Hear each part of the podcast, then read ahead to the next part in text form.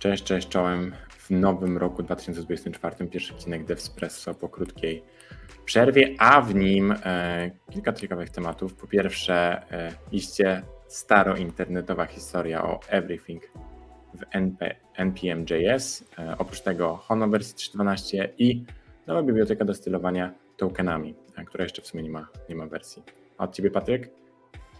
Ja mam dla Was mocno frontendowe newsy w tym tygodniu, czyli nową bibliotekę do stylowania, a może nawet nie nową, co nową wersję biblioteki do stylowania w React Native, nową wersję Vue i nowy update do bardzo modnej ostatnio, nawet nie biblioteki do komponentów, co kolekcji komponentów ShadCN UI. Tak jest. Lecimy z intro i widzimy się po drugiej stronie. Devspresso.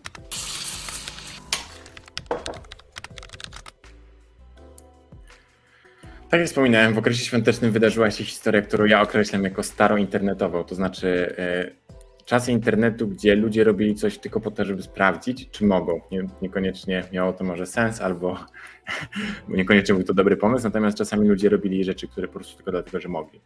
I y, w okresie świątecznym wydarzyło się dokładnie coś takiego, mianowicie po pięcioletniej, czy tam po jakiejś przerwie, y, autor biblioteki, która nazywa się Everything, jest dostępna na NPM, była to biblioteka, która, w której zależnościach było wszystko, co przez pierwsze 5 lat egzystowania NPM.js e, się pojawiło. No i e, jeden z takich e, powiedzmy znanych Twitterowiczów e, w świecie JS-a, który nazywa się Trash Developer, e, odkrył tę bibliotekę i od słowa do słowa zgadał się z osobą, która ją zrobiła e, i podjął próbę do spółki z jakąś ekipą nazwijmy to absurdaków, stwierdzili, że zrobią nową wersję Everything, która będzie zawierała obecnie wszystkie aktualne e, dostępne paczki jako dependencies.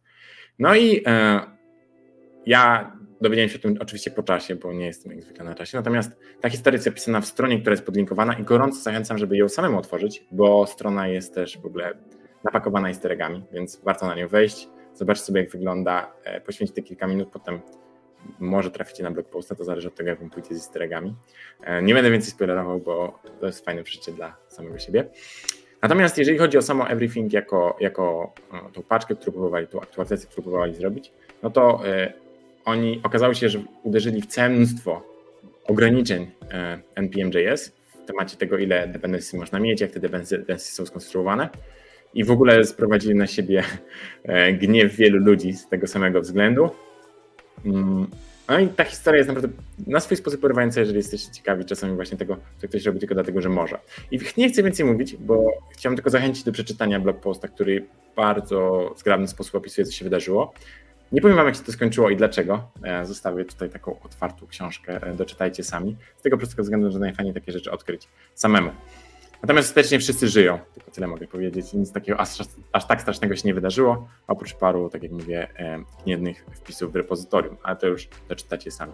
Zasadniczo tyle, natomiast mnie po prostu cieszy, że takie rzeczy jeszcze się dzieją, bo są coraz rzadsze w dobie komercjalizacji internetu, Instagramów, Twitterów.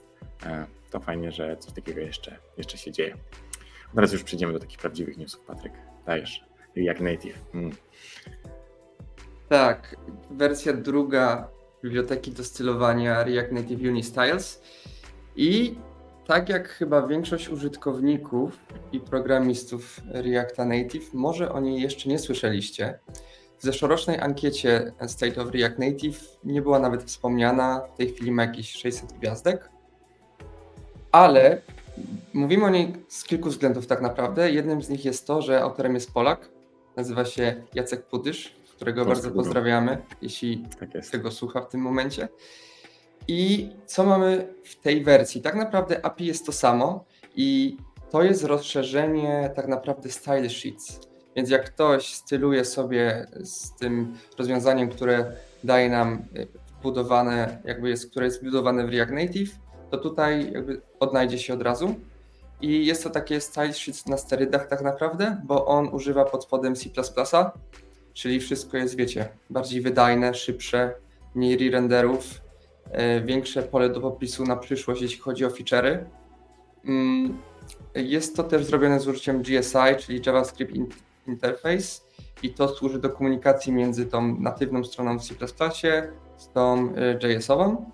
Mamy polepszenie typowania, przez co mamy lepszy autocompletion w waszych edytorach, co jest też bardzo ważne w tych w powiedzmy współczesnych bibliotekach. Tak jak mówiłem, API jest to samo, więc przejście i update z wersji pierwszej do drugiej jest bezbolesny. Mamy usunięcie mm, wrapera, e, który nazywał się Unisize Theme i on był zrobiony z użyciem React Context, to jest usunięty, już tego nie potrzebujecie. Mamy nowe API Unistyles Runtime, które pozwala nam na dotarcie do różnych mm, informacji o device albo o theme i można to robić y, nie bezpośrednio w Javie Reacta, tak? Czyli gdzieś możecie sobie outside e, Reacta wywołać taką funkcję albo mhm. zmienić sobie film, wariant i tak dalej, więc spoczko. E, mamy, a propos tych wariantów, no to jest lepsze wsparcie. Mamy nowe media queries, które nie opierają się na stringach tak jak do tej pory, tylko na funkcji, która nazywa się MQ i możecie sobie sami budować wasze media queries takie, jakie chcecie. Mamy wsparcie dla pluginów i mamy nowe doksy. Jakby rozumiem, że content jest nowy i też jest nowa odsłona graficzna i jakby pluginy są bardzo podobne do tego, e, z czym mieliśmy do czynienia w Astro. Tam też oni stopniowo wprowadzali sobie te pluginy, polepszali je, jakby dawali znać deweloperom, że coś takiego jest. I mo być może nie jest to przypadek, bo sama strona, na której mamy te release notes, jest robiona z Astro, więc może jakaś e, mała inspiracja. Mm, I co? W zasadzie to wszystko. Tutaj ja osobiście nie, nie znałem tej biblioteki, nie korzystałem z niej. Mm. Bardzo fajnie, że z jednej strony to nie jest nic nowego bardzo, tylko to, co już wszyscy znają, tylko lepsze w teorii. Tak jest. Więc... E, tak. Ja tutaj chciałem dodać, że właśnie to, co mi się bardzo podoba, że to jest super set e, Style Sheet API, rozszerzony o to, że możemy korzystać z rzeczy takich jak motyw, czyli możemy używać tego, co znamy, ale jednocześnie e, nie musimy się martwić o to, że wszystko jest, nie wiem, że nie mamy tych design tokenów, tak, kolorów, e, które są stałe w motywie, nie musimy kopiować stringów, to co, czy tam zrobić zmiennych, to wszystko, co było nieprzyjemne, kiedy pracujemy z czystym style sheet API, no to tutaj jest, jest rozwiązane. A nie musimy się uczyć czegoś zupełnie nowego, tak na przykład jak to ma Tailwind, tak, że musimy uczyć się zupełnie nowej składni, e, trzeba się obuczyć wielu, wielu takich, nazwijmy to, czarnej magii, no. albo zupełnie nowego języka, bo tak to też można nazwać. E, zresztą do tego tematu wrócimy jeszcze w, w tym odcinku przy okazji tokenami, e, bo to w sumie jest bardzo zbliżony problem.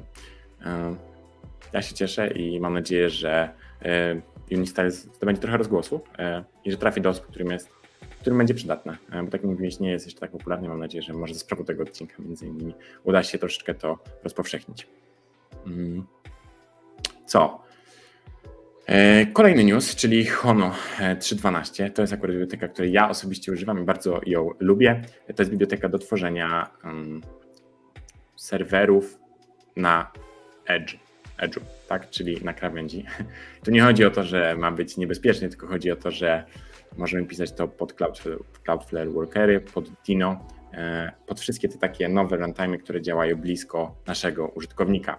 I ono jest bardzo proste, a jednocześnie jest bardzo eleganckie. I w tej nowej wersji pojawiło się kilka małych rzeczy. Mm, po pierwsze, middleware do ochrony przed CSRF, czyli Cross-Site Request Forgery. I to jest wzorowane na AsphaltKit i porównuje header origin, sprawdza, czy wszystko się zgadza. I to nam pomaga e, no, z różnymi atakami, tak? Więc super, że można coś takiego dodać. Działa to bardzo dobrze, jeżeli nie, nasi użytkownicy nie są na starej przeglądarce, więc warto sobie to po prostu dodać. Oprócz tego e, nowe rozwiązanie do stylowania e, CSS i JS, które pozwala pisać CSS za pomocą JS-a, potem używać e, klas i to wszystko zostanie wrzucone do zwrotki w JSX-ie.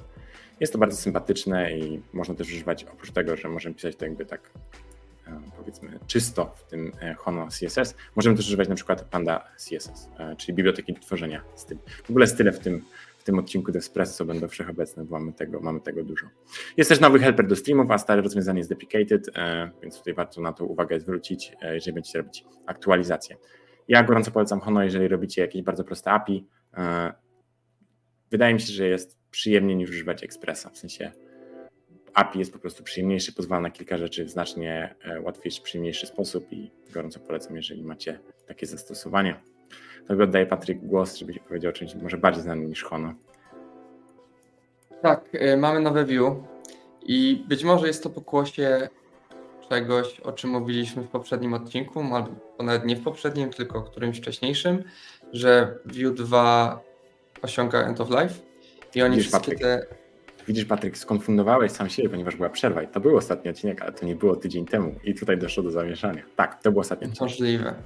Tak, i oni wszystkie te ludzkie resursy y, mogli przekazać w końcu na rozwój View 3 i teraz dostajemy nową wersję 3.4 y, i co dostajemy w niej, a mianowicie dostajemy dwa razy szybszy parser te template'ów. Jest on przepisany praktycznie od nowa. Ta implementacja, która jest teraz, przechodzi przez, w sensie parsuje tylko raz. Wcześniej było więcej niż raz, chyba dwa razy z tego co wiem. Zainteresowanych odsyłam do Reels bo tam jest to troszkę bardziej opisane. Yy, Ważne jest to, że to polepszenie jest dla templatek wszystkich wielkości, bo nieraz te gainsy performance'owe są tylko dla jakichś dużych projektów, które są mega ociążałe i tak dalej, jakichś wielkich templatek i tam faktycznie widać tą różnicę, a wy jak macie w miarę takie małe, średnie te rzeczy, to, to te gainsy są bardzo małe. Więc, ale tutaj jakby jest to niezależne od wielkości, więc mega spoko. Mamy kilka mniejszych poprawek, które przyspieszają nam trochę buildowanie. Mamy refactor e, Reactivity System, a mianowicie mm, usprawnienie computed properties, które są we Vue. I to jest związane z Watch Effect na przykład, które teraz odpala się tylko, gdy to computed value się zmienia. Tak?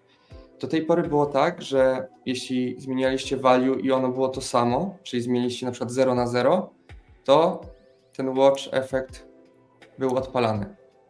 A teraz nie jest. Odpala się tylko raz, bo zmiany nie było. Jakby podobny mechanizm jest tak naprawdę w Reactie, gdzie jak update'ujecie state o tą samą wartość, to on nie renderuje całego komponentu, use effect się nie odpala. Więc y, fajna sprawa pod względem performance'owym. Mamy define model, który jest y, stabilny w tej wersji, bo w poprzednim releasie był on eksperymentalny. Jest to alternatywa do czegoś, co nazywa się V-model i tu pewnie programiści Vue kojarzą. Chodzi o two-way data binding, czyli przekazywanie state'u, update'owanie state'u w parencie i tak dalej, i tak. I z tego, co czytałem, jest to rekomendowane podejście od tej pory, jakie Vue będzie promowało, jeśli chodzi o ten problem przy tworzeniu interfejsów. Mamy shortcuty do bindowania atrybutów. Jeśli przekazujecie mm, do atrybutu jakąś wartość JS-ową i one się nazywają tak samo, na przykład source i source, to nie musicie pisać dwukropek source równa się source w stringu, tylko po prostu dwukropek source i on sam wie, że musi się odwołać do jakiejś tam zmiennej. Mm. Więc y, mega fajna rzecz. Tego w Reakcie jeszcze nie ma. Mam nadzieję, że Jedno? się pojawi. Tak, wiem. Tutaj problem właśnie miałem też w głowie o JSX. Chciałem powiedzieć, że JSX nie wprowadzili tego, bo na początku stwierdzili, że dobrym rozwiązaniem będzie, że jeżeli nie dajesz wartości, to znaczy ta wartość jest równa true. E, Także jest prawdziwa. Tak. I teraz e, nie chcą zmieniać tego, że jest równa temu, jak to się nazywa, co też jest w sumie przedłużeniem tego w JavaScriptie czystym. Tak jak robimy przypisanie do obiektu, to też, jeżeli jest ta sama nazwa zmiennej, to nie musimy tego robić dwa razy. Kurczę, to jest fajne, bo to jest taka ciągłość, a React jest tutaj, no, krzywo się zapatruje, więc super, że Vue zrobił coś takiego. Mamy poprawienie o errorach przy hydracji. Mamy usunięte długie error message w produkcyjnych buildach i one teraz mają jakieś e, krótkie error cody, które mogą być trochę enigmatyczne, dlatego stworzyli specjalny page, na który możecie sobie wejść i szybko znaleźć ten code i wiecie wtedy o co chodzi. Mm, Mamy usunięcie globalnego JSX namespace i tutaj jeśli używacie TypeScripta, to musicie sobie zmienić config, to jest wszystko opisane w release albo importować e, Vue.jsx, jeśli używacie na przykład e, JSX element jako typ. E, Wszystkie rzeczy, które były oznaczone jako deprecated w poprzednich releasach są teraz usunięte, więc jeśli takich używaliście, musicie sobie to sprawdzić. Przy update'owaniu należy też zupdate'ować paczki zależne od Vue wersji 3.4, jeśli chodzi o e, bundlery. Więc też sobie zwróćcie na to uwagę, jeśli będziecie przychodzić do tej nowszej wersji. I tutaj mamy wszystko. Tak jak mówiłem, wydaje mi się, że Vue będzie szło do przodu teraz. Mają troszkę większe pole manewru, jeśli chodzi o, o, o zasoby. Więc y, bardzo się cieszę, bo jakby może żyję w bańce reaktowej, prawda? Ale mam takie wrażenie, może Franek, ty, ty masz, znasz kogoś, yy, na przykład więcej osób, które korzysta z Vue albo, albo Angulara, ale jednak ten React jest tak popularny i wszędzie, że mm, ważne są też alternatywy. I, Tak. Mhm. Zgadzam się w 100%. E, Chciałem powiedzieć, że my używaliśmy na przykład Vue, a już nie używamy. E, Mimo, że powiedzmy, że przez jakiś czas naszej kariery wspólnie pisaliśmy dużo we Vue e, i potem to było Vue 2 jeszcze, a potem się przerzuciliśmy, więc zgadzam się w 100%, że monopol to jest najgorsze, co może się wydarzyć. Cierpią klienci. Gadamy o tym chyba w każdym odcinku. E, Więc e, tak, cieszę się, że, że Vue przyspieszy. Tak jak mówiłeś, oni mają troszkę mniejsze zasoby niż React. e, tam pewno. stoi za nim korpo, więc mają znacznie więcej zasobów, żeby dbać o te stare wersje. Więc fajnie, że Vue już jakby odcięło powinny, tak, i ruszamy. e, Na pewno Jeszcze jedna rzecz, bo sobie przypomniałem, Mhm. że jakby historia założyciela czy założyciela, mm, on się nazywa Twórcy. Ivan Yu, on tak, Tak stworzył Vue, jest bardzo ciekawa, jeśli chodzi o jego jakby karierę programistyczną, jak Mhm. do tego doszło, że Vue pow- powstało. Kiedyś y, czytałem jakiegoś bloga albo oglądałem filmik, już nie pamiętam, ale bardzo polecam. Właśnie on chyba zaczynał w Google, pracował przy grafice, potem tak, więc Tak. y, było to mega Tak. ciekawe, więc ja osobiście to polecam. czytałem. Zgadzam. Nie pamiętam, co to była, też zgadzam się, że czytałem i to było bardzo interesujące. On ogólnie jest Tak. bardzo interesujący, co było, więc Mhm. warto jego życiorys sobie przybliżyć, e, nawet z czystej ciekawości. E, Rzeczy, które warto sobie przybliżyć. E, Mamy nowo, nowego gracza na scenie styli. I Wspominałem o tym, że będziemy jeszcze o tym w tym odcinku mówić i to jest właśnie ten moment. I teraz e, tak zwany disclaimer. Proszę o wyrozumiałość, ponieważ to tokenami zmiażdżyło mnie i e, przeżyło mnie i wypluło. To było trudne. E, zrozumienie, po co to jest, gdzie to jest. Stworzyłem projekt, y, używałem go, mm, nie do końca wszystko zrozumiałem. Więc jeżeli ktoś zauważy jakiś błąd albo będzie chciał mnie poprawić, jak najbardziej nie wahajcie się. Przyjmuję każdą krytykę. Natomiast docencie to, że postaram się zmierzyć z tematem, pomimo e, brakach, braków wiedzy. E, Tak, i myślę, że to wynika z tego, że ja po prostu jestem osobą, która bardziej skupia się na developer experience i bardziej skupia się na aplikacji, na tym, jak możemy coś osiągnąć, niż na tym, jaka jest wydajność, jaka jest wydajność i tutaj jakby pewne okoliczności mi uciekają. Natomiast y, chronologicznie y, jest kilka rzeczy, które się wydarzyło. Po pierwsze, y, React, zespół Reacta sugeruje, aby odejść od bibliotek, które tworzą on-demand e, element style i w nim wrzucają style. I to, jest, to są wszystkie rozwiązania CSS i JS, które właśnie takie style tworzą i potem komponent ich używają. Te rozwiązania od nich trzeba odejść z uwagi na to, że w obliczu e, streamowanych komponentów nie możemy już tak łatwo dokładać do heada tego, co jest potrzebne, więc no, nie możemy też wysłać, w sensie wysyłamy kawałkami e, nasz, nasze React więc ten style jest trochę nie na miejscu, nie do końca wszystko będzie działać. Dlatego y, jest rekomendacja, aby używać zwykłych, statycznych CSS styli, tak? czyli to, co mamy gotowe na build time, to wrzucamy i ściągamy sobie takie klasyczne style CSS-owe, a do reszty rzeczy używamy y, prop, propsu, propa style, czyli klasyk, tak? Powiedzmy, że tak zaczynaliście, jak uczyliście się Reacta, przeszliście przez wszystkie biblioteki i okazuje się, że jesteście w tym samym miejscu, z nowym doświadczeniem oczywiście. No i teraz do tego mamy wrócić, natomiast y, no, CSS.js ma duże plusy, tak? E, Pozwala nam e, zachować jakiś tam type, jakiś tam type safety. E, Mamy możliwość korzystania z tokenów właśnie. I to wszystko tracimy, jeżeli przechodzimy na przykład na Tailwinda, który jest rozwiązaniem, które będzie działać z, ze streamowanym Reactem.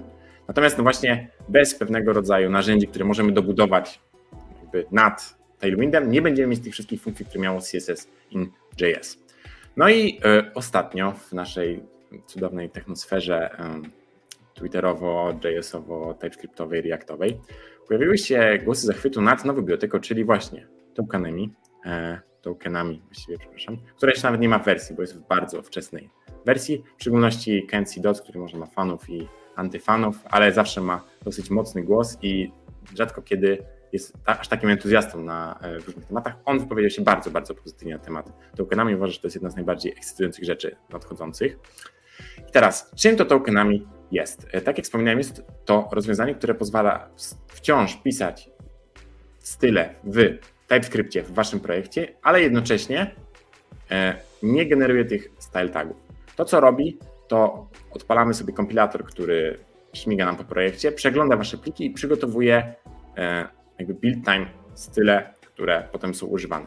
Natomiast w odróżnieniu na przykład od Vanilla Extract albo Panda CSS nie jest tylko build time, to znaczy możemy używać runtime też niektórych propów, czyli możemy zmieniać kolor według tego, co się dzieje jakby w naszej aplikacji, bo w tych bibliotekach, które jakby działały tak jak dotychczas, e, tak jak działa tokenami, dotychczas trzeba było po prostu się ograniczyć do tego, że możemy używać tylko tego, co jest statyczne, żeby one dobrze wyekstraktowały. Albo druga rzecz, która była potrzebna, musieliśmy się zintegrować z bundlerem, czy tam modu, modu, moduł builderem, czyli na przykład Nextem, Vitem. Musieliśmy mieć specjalny plugin, który by nam gdzieś tam te style ogarnął. Bez tego nie działało. A tokenami nie ma tych ograniczeń. To znaczy, możemy w runtime robić wszystko i nie musimy się integrować z niczym. E, to znaczy, on działa standalone czy to jest Vit, czy to jest Remix, to wszystko będzie działać. Więc to jest dosyć fajna sprawa, e, jeżeli to są Wasze problemy. Tak jak mówiłem, no jeżeli jesteście końcowymi użytkownikami bibliotek takich jak na przykład Chakra UI, to pewnie nie.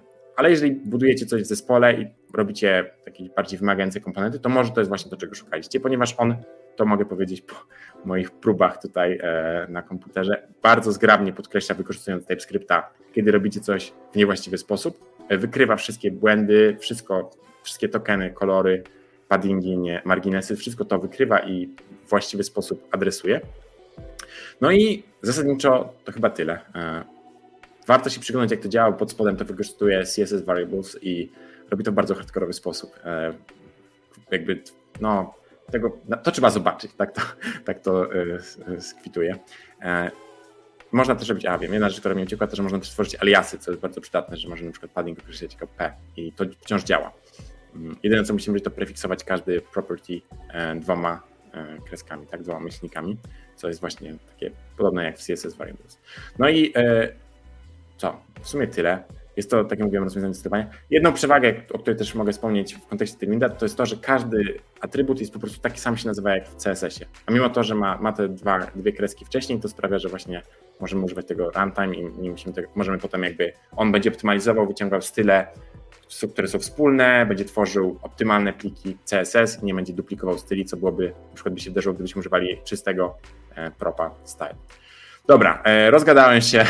Mam nadzieję, że zrozumieliście coś z tego e, gadania. Natomiast gdybym miał rzucić dwa słowa podsumowania, to jeżeli, jeżeli zależy Wam na tym, żebyście mieli bibliotekę, która jest low level, czyli nie ma komponentów, ale pozwala, która jest szybka, ma type safety, design tokeny i działa też runtime, to znaczy nie jest tylko build time, ale też runtime, to to jest Wasze rozwiązanie tokenami.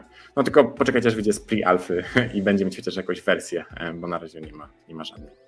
Dobra, Patryk, masz pytania, bo może. Nie, chciałem tylko powiedzieć, że Franek się przez godzinę głowił nad tym, jak to, jak to działa. I ja jako zupełny amator nie czytałem nic na ten temat i zrozumiałem, tak mi się wydaje przynajmniej, e, w miarę dobrze, o co tam chodzi, więc mam nadzieję, że nasi, nasi słuchacze też. Dobra, może jesteś mądrzejszy ode mnie, e, więc cieszę się, dziękuję. Może ja nie rozumiem dalej, ale przynajmniej ty zrozumiałeś, więc może nie jestem osobą, która będzie w stanie tego użyć, ale przynajmniej jestem być w stanie osobą, która go zareklamuje, albo to zareklamuje i e, znajdzie kilku użytkowników. Dobra, ale zamykamy temat tokenami i oddaję Ci głos na ostatni news e, dzisiaj, czyli dobra, ty, ty wypowiedz te nazwy, bo ja nie potrafię. Chat CN UI. Tak jest. Tak, tak jak mówiliśmy na początku, dzisiaj mocno frontendowo i autorzy, znaczy tak naprawdę autor e, jest jeden, oczywiście ma wielu pomocników. Oni podkreślają, że to nie jest biblioteka e, z komponentami. To jest jedynie kolekcja komponentów, którą możecie sobie skopiować. Możecie sobie skopiować kod, wrzucić do waszego projektu i voila, działa. Oczywiście, jeśli zainstalujecie odpowiednie dependencje, takie jak Tailwind, Radix i tak dalej, i tak dalej. I e, jest to spoko, nie trzeba sobie instalować osobnej biblioteki, tylko bierzecie co chcecie, używacie. Jest, do tego jest e, miłe CLI, gdzie nie musicie kopiować wszystkiego, wszystkiego, tylko użyć, używacie CLI, on wam tworzy jakieś tam rzeczy i jest przyjemnie. Wydaje mi się, że jest to mm, biblioteka, która jest bardzo modna, ale tak jak mówiłem, może mi się wydawać, bo, bo jestem w takiej twitterowej bańce, ale bardzo dużo osób o niej mówi i trochę boję się tego, co oczywiście nastąpi, że za jakiś czas będzie przez, tak? Czyli każda apka, e, każda strona będzie, znaczy nawet nie każda, co, co druga będzie budowana z użyciem SHA-CN i po prostu się to znudzi. E, ale. Ja mam, pod, mam, podwójną kontrę do tego, co powiedziałeś. Po pierwsze, nawet jeżeli tak będzie, to jednak oni zakładają, że ty kopiujesz i potem modyfikujesz, tak? W sensie, o ile faktycznie ludzie będą wychodzić z tego samego punktu, to myślę, że każdy pójdzie troszeczkę w inną stronę, więc to daje szansę na taką indywidualność w każdym projekcie. Natomiast do tego, co powiedziałeś, że jest popularne rozwiązanie, to ja z kolei trafiłem na kilka komentarzy, które sugerowało, że jakby pokazało ciemną stronę Shatsi UI i nie chodzi mi o to, że mają wsparcie dla dark modes, tylko chodziło mi o to, że mm, skopiowali trochę kodu z różnych bibliotek i to jest trochę taki Frankenstein, e, albo nie wiem jak nazwać takie. Chodzi mi o to, że tam jest trochę niefajnej rzeczy pod spodem, trochę bugów z tego wynika, że to jest powiedzmy taka zlepiona, zlepione monstrum i trzeba uważać, jeśli tego używa. Natomiast e, no, oczywistym jest, że to jest tak, że bierzemy to jako swego rodzaju inspirację, czy tam punkt wyjściowy i to są rzeczy, które powinniśmy wziąć pod uwagę, przyglądać się, jak to działa pod spodem. Natomiast nie powiedziałbym, że to jest w sensie są ludzie, którzy mają krytyczne spojrzenie na sytuację, więc myślę, że nie jest aż tak to popularne jakby bezwzględnie. Jest troszeczkę krytyki. Znaczy, to jest, wydaje mi się, bardzo fajna sprawa, żeby szybko stworzyć jakiś prototyp albo MVP apki. Mhm. E, I jakby jesteś w stanie, wchodząc na daną stronę, jakby określić, co zostało użyte, jakby jaka biblioteka i tak dalej. I tak trochę jest, bo oni pod spodem używają Radixa, który jest mhm. troszkę specyficzny i Tailwinda. I wiadomo, to też nam daje, tak jak mówiłeś, możliwości do konfiguracji, tak? No bo możecie sobie to oscylować i tak dalej, i tak dalej, więc nie musi wyglądać tak samo, ale no ja już tak hmm. spotkałem się kilka razy, że jakby okej, okay, dobra, znam to. E, przejdźmy do konkretów. Co dostajemy w tej wersji? dostajemy nowe komponenty. Jest to karuzela, jest to drawer, jest to paginacja, jest to resizable, czyli taki komponent, gdzie macie powiedzmy taki layout, który sobie rozszerzacie myszką i tak dalej, i tak dalej. I jest nowy toast i to jest właśnie chyba stworzone z jakby z użyciem innej biblioteki, która nazywa się Sonar i to jest to, o czym ty mówiłeś, że te komponenty są tworzone z użyciem innych tam bibliotek, czy po prostu jest kopiowany kod, ale jakby działa. Mm, mamy poprawki w CLI odnośnie Tailwinda, jeśli chodzi o prefiksy, prefiksy Tailwindowe. Teraz to działa, a nie działało, więc możecie sobie korzystać z tych komponentów teraz w własnych projektach, gdzie macie takie prefiksy.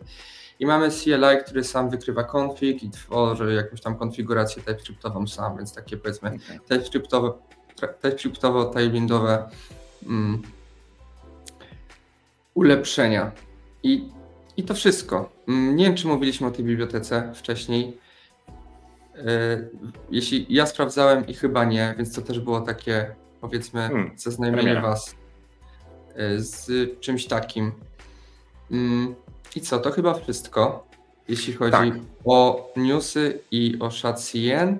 Wydaje mi się, Franku, nie wiem, czy się ze mną zgodzisz, że jakby świat programistyczny jeszcze troszkę śpi po tej przerwie świątecznej, tak? Jakby dużo osób sobie robi długie wolne na przestrzeni roku w wielu mm -hmm. firmach, nie tylko w Polsce. I jakby więcej newsów, release'ów będzie jednak e, w dalszej części roku. Tak, zgadzam się. E, dlatego e, pojawiają się te projekty, które są powiedzmy robione z zamiłowania hobbystycznie, czyli właśnie na przykład Hono, z którego co kojarzę, autor nie jest, jest, e, nie jest jakby, nie pracuje, nie jest zatrudniony przez korporację, żeby to tworzyć, czy właśnie takie rzeczy jak Everything PNJS, to też są rzeczy, które mogą się wydarzyć tylko w okresie przerwy od pracy. E, demolowanie internetu tylko wtedy może się wydarzyć. Tak, na koniec chciałem wspomnieć, że osoby, które jeszcze tego nie zrobiły, gorąco zapraszamy do oglądania odcinka o Hakia, który jest dostępny na naszym kanale na YouTube. Jeżeli jesteście słuchaczami ze Spotify, E, no to może, może nie jesteście świadomi, ale taki odcinek się pojawił. E, można trochę posłuchać i zaznajomić się z tym, czym jest Hakia, jak się na nie przygotować, e, czego się spodziewać i jak my sobie z tym poradziliśmy w zeszłym roku. I co? I dzięki za wysłuchanie. Dzięki Patryk, że byłeś ze mną tutaj aż pół godziny. A w sumie dłużej, bo jeszcze to tokenami przez godzinę. I e, słyszymy się za tydzień. Tak, e, dziękujemy wszystkim i zachęcamy do subskrypcji, lajków, komentarzy przychylnych, mniej przychylnych. I Tak. dziękujemy Wam za odsłuchanie. Dzięki, dzięki. Hej.